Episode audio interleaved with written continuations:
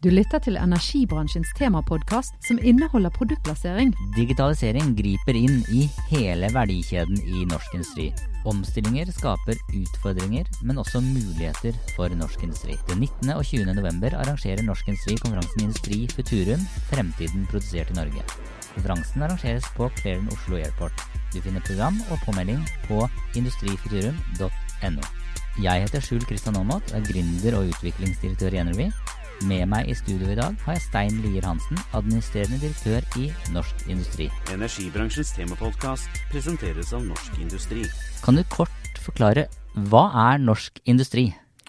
Det er en eh, landsforening, altså en organisasjon hvor medlemmene er Industri-Norge. Så vi organiserer eh, industrien i Norge, eh, omtrent alle de industribransjene vi har med noen veldig få unntak. Så dette er en medlemsstyrt organisasjon for å legge til rette for industriutvikling i Norge. Så er det sånn, regjeringen forventer en vekst uh, i fastlandsøkonomien på 2,3 uh, i 2018 og 2,7% i 2019. Norsk økonomi er på langt vei nå friskmeldt. Så tennes lysene i verkstedene igjen osv. Hvor lenge vil denne festen vare? Det er veldig vanskelig å si, fordi vi er også avhengig av at det er en god økonomisk vekst eh, i våre naboland eh, som vi eksporterer til. Eh, og det er nesten ingen som kan spå med stor sikkerhet hvor lenge en høykonjunktur vil vare. Det som er utfordrende nå, det er at det er noen motkrefter også der ute i verden. Altså Vi ser jo tendenser til mer proteksjonisme. Eh, amerikanske presidenten truer med handelskrig.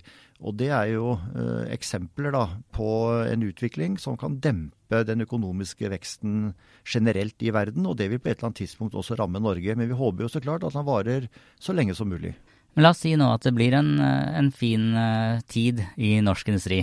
Hvorfor kan vi ikke bare sitte stille i båten og, og drive business as usual og, og hvile litt, istedenfor å hele tiden måtte være fremoverlent og investere i, i nytt utstyr, nye kompetanser, nye strategier? Man blir jo litt sliten av dette? Ja, men det må vi gjøre eh, i Industri-Norge fordi at vi skal konkurrere på verdensmarkeder. Eh, vi konkurrerer med lavkostland, vi konkurrerer med andre høyteknologiske land. Og det betyr at vi alltid må være fremoverlent. Vi må alltid tenke gjennom nye produkter som løfter oss høyere opp i verdikjeden. Og vi må alltid eh, tenke gjennom hvordan vi kan ta i bruk ny teknologi for å produsere mer effektivt. Altså øke produktiviteten, sånn at vi produserer mer per ansatt, mer per time, mer per eh, energiinnsats. Så sånn er industrien. Altså det, den er på mange måter i et verdensmesterskap hver dag. Og, og du må vinne. Det er bare gullmedaljer som teller. Eh, så ser det ut som at i hvert fall leverandørindustrien til olje og gass eh, har gått gjennom en ganske heftig kur eh, for å bli flinkere til å jobbe mer effektivt. Og så, så har jo da denne industrien som mål 50-50-50, altså halverte kostnader, halvert gjennomføringstid, og, og, at den skal være robust ved 50 dollar fatet. Og så er oljeprisen nå oppe i 80 dollar. 80 dollar. Mange mener at den også skal høyere enn det. Er det, hvorfor er det så viktig å kutte disse kostnadene og effektivisere? Kan vi ikke bare få noen år og slappe av, få igjen pusten etter eh, en tøff motbakke? Nei, altså det kan vi ikke gjøre. Altså, er, det, er, det, noen som ikke kan ta et hvileskjær, for å bruke det begrepet, så er det nettopp den type næringsliv som er i internasjonal konkurranse. Og det er jo andre enn oss som produserer olje og gass. Vi vet ikke hvordan prisbildet vil se ut.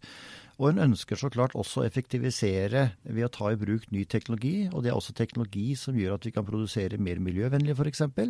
Og vi ønsker så klart å få ned kostnadene sånn at også marginene, altså overskuddet i bedriftene, blir så høyt at en kan investere ytterligere i forskning, ytterligere i investering i nytt produksjonsutstyr osv. Så, videre, og så, videre. så alle som driver innenfor industri, som konkurrerer med eh, industri i andre land, de kan ikke ta et hvileskjær. En må alltid bestrebe seg på å være best i klassen. Energibransjens temapodkast presenteres av Norsk Industri. Og så hører vi da fra alle kanter nå at eh, digitalisering og, og robotisering vil erstatte mange industriarbeidsplasser. Hvilke industriarbeidsplasser står i fare for å forsvinne de nærmeste årene? Altså For det første så vil eh, det at vi robotiserer, automatiserer og tar i bruk nye IKT-teknologier, det vil jo gi oss større konkurransekraft. Og det vil bety at vi også kan bygge opp en større industri. Eh, og det betyr flere arbeidsplasser, ikke færre totalt sett. Men på den enkelte bedrift, på den enkelte produksjonslinje, så vil så klart ny teknologi gjøre noen overflødige. Sånn at fremtidens industriarbeider vil jo være veldig høykompetent og vil være en operatør på mange måter som klarer å håndtere disse nye teknologiene. Men det er jo også noe som gir oss et bedre arbeidsliv. Jeg tror også arbeidstakerorganisasjonene ser den fordelen, fordi at den, den arbeideren som vil forsvinne, er nok kanskje den som på en måte har hatt dårligst arbeidsmiljø, som har gjort oppgaver hvor du f.eks. har blitt eksponert for mye varme, mye støv. Sånn at du, du lager et bedre arbeidsliv, og du lager en industriarbeider som er enda mer kompetent til å håndtere høy, høyverdig teknologi. Får vi en uh, fremtid der alle må ha master, og der uh, yrkesfag uh, Nei. der de ikke Nei. De gode operatørene vil ikke minst være ungdom som i dag utdanner seg og tar, tar, fagbrev innenfor viktige disipliner. Så jeg vil heller si at morgendagens fagarbeider vil ha fagbrev som på en måte gjør at en får en kompetanse som er kanskje nærmere ingeniørens, men det vil være, det vil være folk med fagutdannelse vi virkelig trenger. Eh, så den 19. og 20. november så arrangerer Norsk Industri konferansen Industri Futurum. Hva ønsker dere å oppnå med denne konferansen? Det, Industri Futurum skal være en samlingsplass hvor vi samler industriledere, tillitsvalgte fra alle industribransjer, for å kunne diskutere fremtidas utfordringer. Det vil være en plass hvor en kan eh, dele gode ideer, dele gode erfaringer, eh, samle seg om gode løsninger.